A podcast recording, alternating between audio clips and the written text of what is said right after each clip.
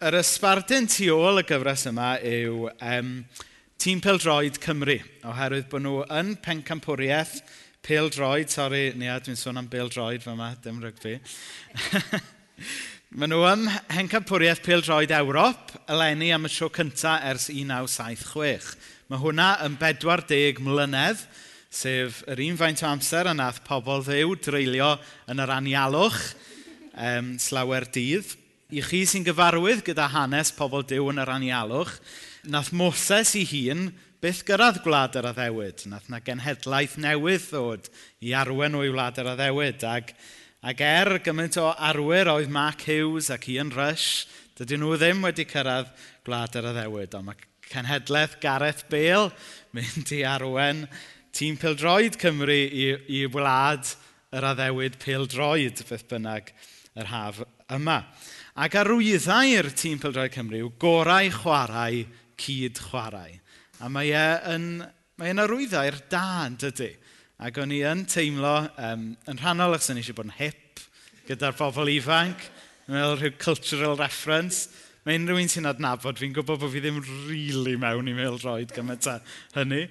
Ond o ddifri, e beth bynnag, licio pildroed neu beidio, mae'r arwyddau'r yn un da ac yn un clyfar yn dydy a mae'n cynnig ei hun i ni ddefnyddio fe i edrych beth sy'n gan y Beibl i ddeud ynglyn â rhai cwestiynau, ynglyn â dew, ynglyn â'r eglwys, ynglyn a sut da ni fel eglwys yn gweithio fel tîm yn y byd er mwyn enw Iesu Grist.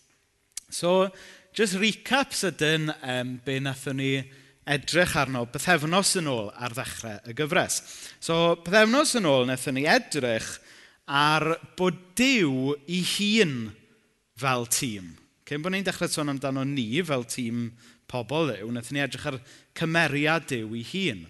A wnaethon ni weld fod Dyw wrth bod e yn un yn dri, yn dri yn un, yn tad, yn fab, yn ysbryd glân, bod Dyw i hun yn gweithredu yn un, ond eto fel tîm.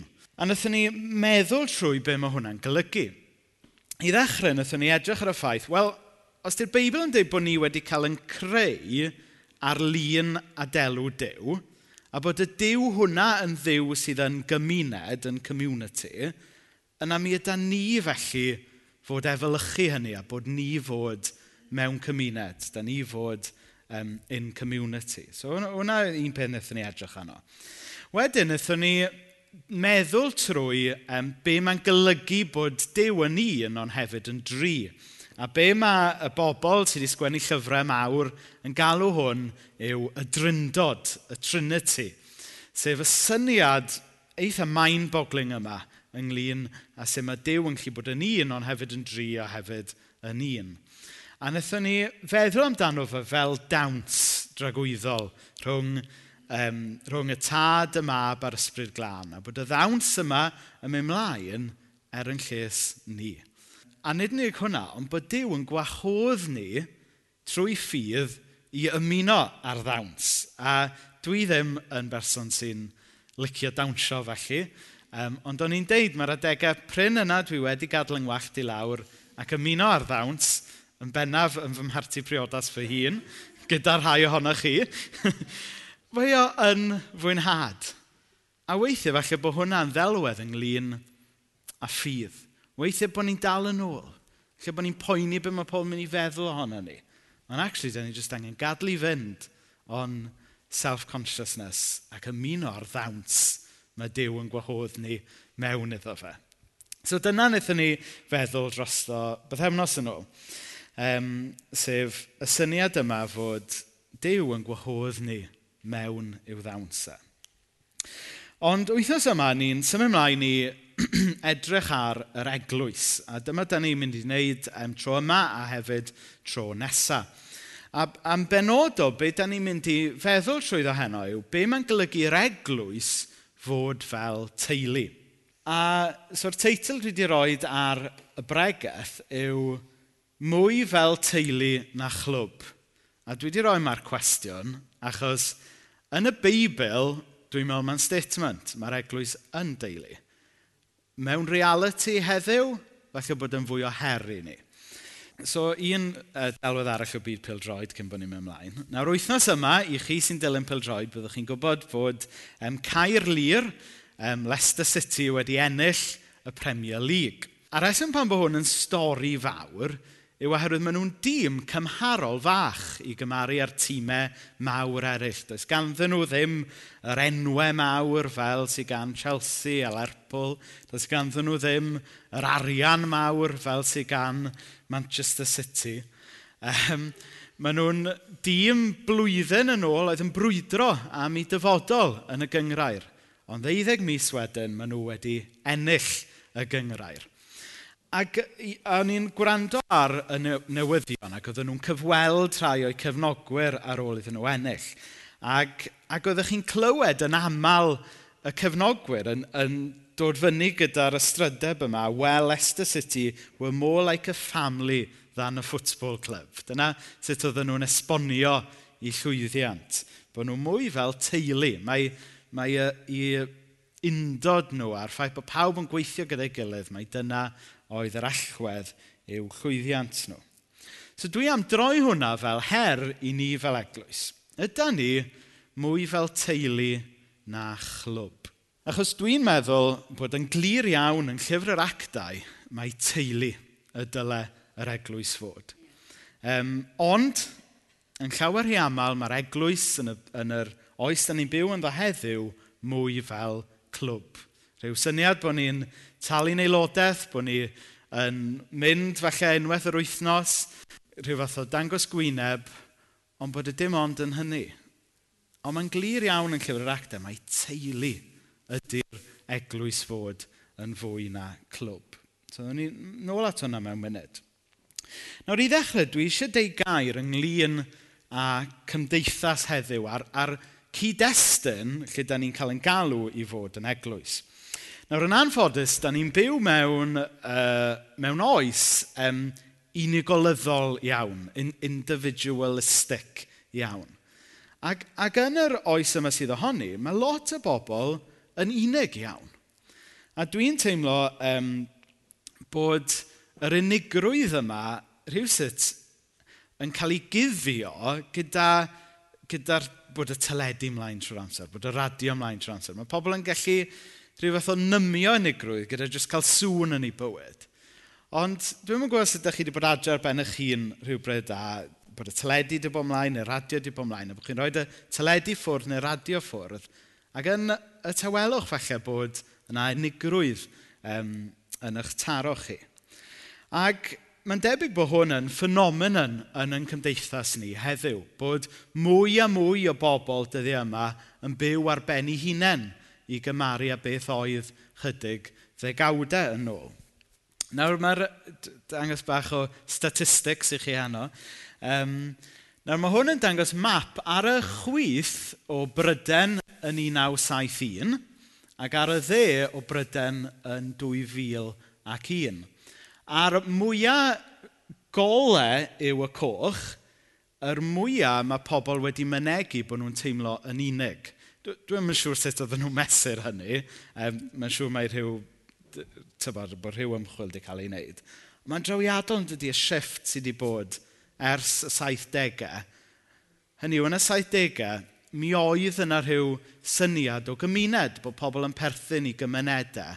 Ond ymlaen yn yr oes i ni'n byw yn ddo nawr, bod mwy a mwy o bobl yn teimlo'n disconnected. Bod mwy a mwy o bobl yn teimlo yn unig. Felly dyna yw'r cyd-destun i ni'n cael yn galw i fod yn eglwys ynddo fe.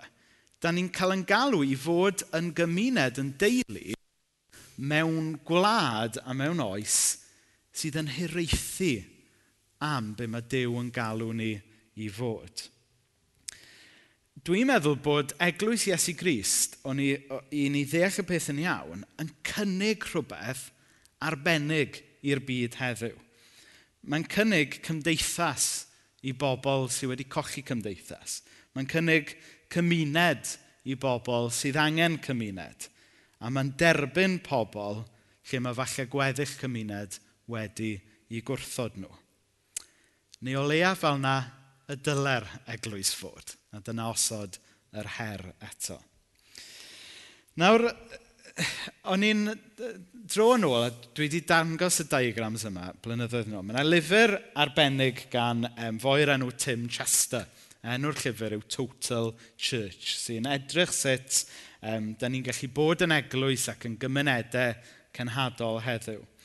Ac yn y llyfr yma, oedd e'n dweud bod ni'n, yn yr oes sydd ohoni, bod ni yn tueddu feddwl amdano ni yn hunain fel canol yn bywyd ni.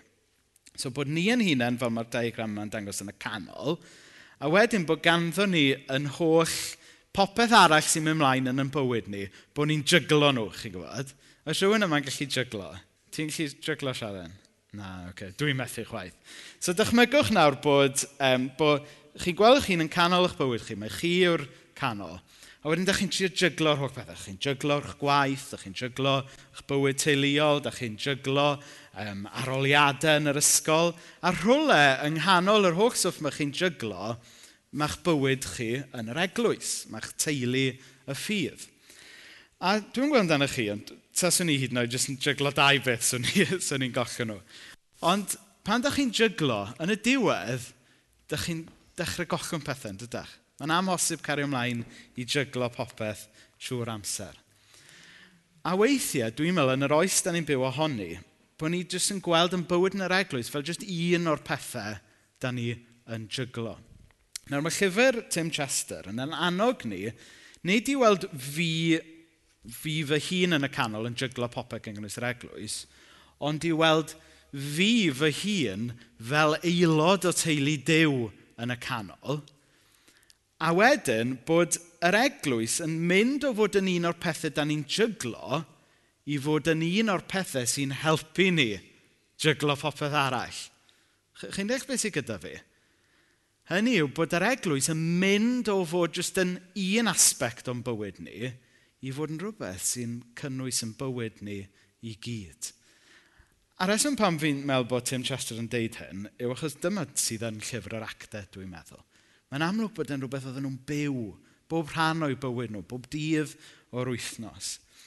Um, Ond yn yr oes sydd ohoni, da ni wedi slipio ond da ni drin yr eglwys fel clwb, rhywbeth sy'n troi o gwmpas digwyddiadau yn hytrach na perthnasau, rhywbeth sy'n troi o gwmpas dangos gwyneb yn hytrach na um, rhywbeth sydd yn rhan o bob rhan o'n bywyd ni. Ac yn llyfr yr actau, dwi'n meddwl bod ni'n gweld hwn in action. Dwi'n meddwl yn llyfr yr actau bod ni'n gweld beth mae'n golygu fod yn deulu yn hytrach nag yn glwb.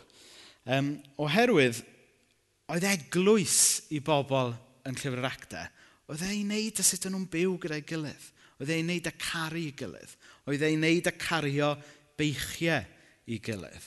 Ac er mor arbennig a pa mor bwysig ydy pethau fel dod at yn gilydd ar ddi syl, a dwi obviously mynd i ddeud hynna, neu byddai ar ben fy hun syl nesaf. Chyfa, just rhan o fod yn eglwys yw beth da ni'n neud heddiw ar y syl. Eglwys go iawn ydy'r ffordd da ni'n byw, ffordd da ni'n caru fo caru'n gilydd, ffordd da ni yn gofalu ar ôl yn gilydd. Dwi eisiau jyst darllen yr adnodau yma i chi eto.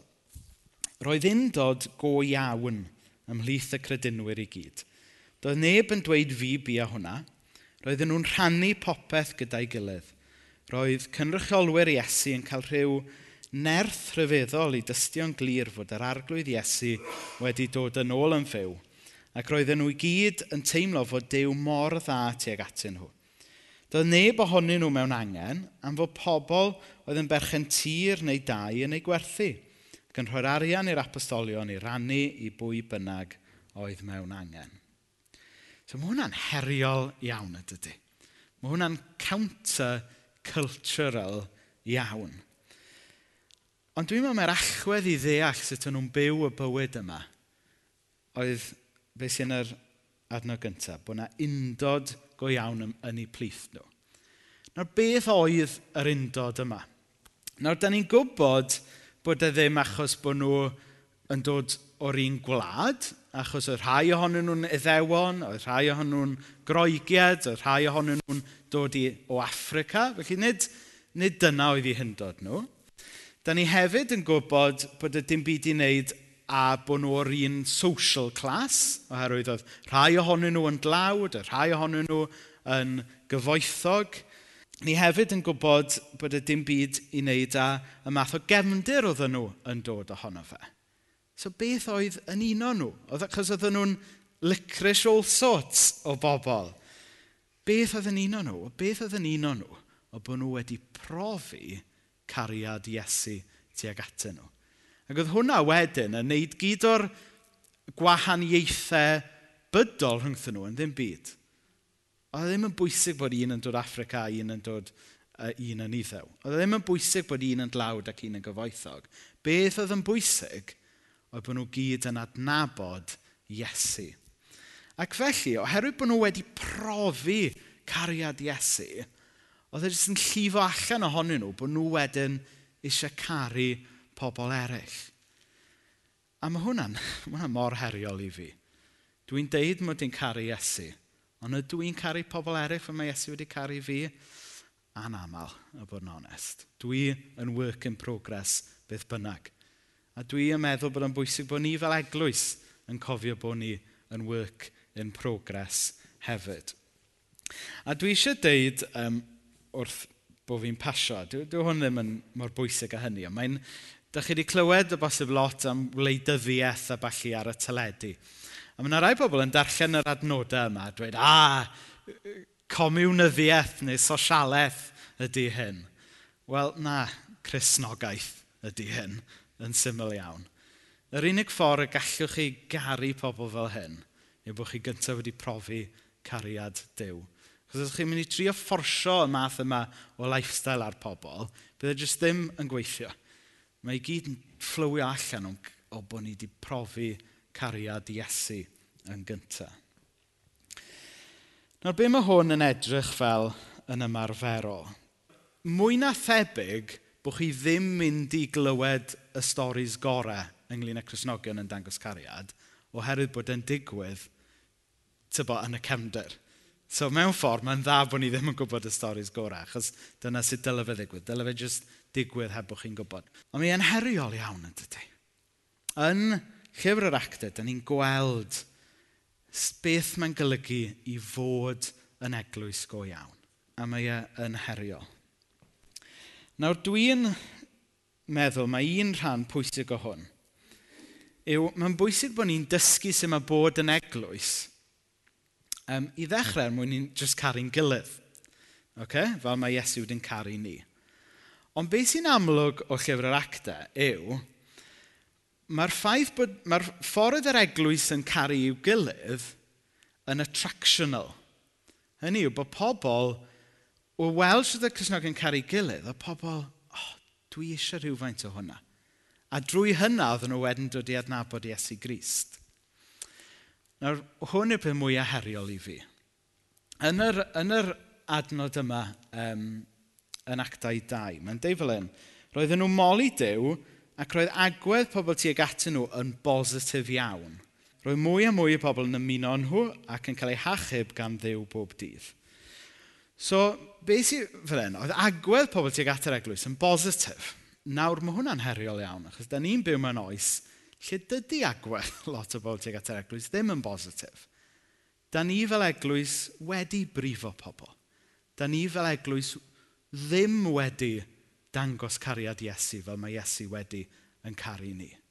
Felly mae angen i ni edifarhau, dwi'n meddwl, ynglyn â'r ffordd da ni wedi rhoi profiad anghywir i bobl, ynglyn â cariad Iesu. Mae angen ni fod yn sori a mae angen i ni ofyn i ddew yn newid ni fel unigolion a newid ni fel eglwys fel bod ni yn rhoi profiad positif i bobl a drwy hynna fod pobl yn profi a dod i adnabod Dyw. So mae dysgu bod yn eglwys fel yn llyfr yr actau. Dwi e ddim jyst ynglyn â caru'n gilydd, ond mae e ynglyn a bod yn eglwys sy'n pwyntio pobl at Iesu. Nawr mae hwn yn heriol. Mae e yn anodd, ond yr hyn sy'n hyfryd o'n llyfr yr actau yw bod Dyw ddim yn disgwyl nhw just clatio bant a sortio fe gi mas i hunain. Chos mae e'n addo yr ysbryd glân. A mewn gwirionedd mae hwnna'n pwyntio ymlaen at be fyddwn ni'n gwneud y sadwn. Sef byddwn ni yn gwahodd yr ysbryd glân i'n trin ni, i'n newid ni fel unigolion, ac fel eglwys, um, byddwn ni'n gofyn i ddew ddelio gyda'r fi fawr a ni wahodd mwy ohono fe. Er mwyn i ni fod y bobl mae e wedi yn achub ni i fod. Er mwyn i ni garu yn gilydd, er mwyn i gwasanaethu'n gilydd, achos yn gyntaf y cariad anhygoel mae e wedi dangos i ni. Felly, um, sori os di'r neges yma wedi bod yn heriol heno, Dwi'n pregethu fo i fi fy hun gymaint ag unrhyw un arall. Achos gymaint mae Iesu wedi'n caru ni, gymaint y dylen ni garu yn gilydd.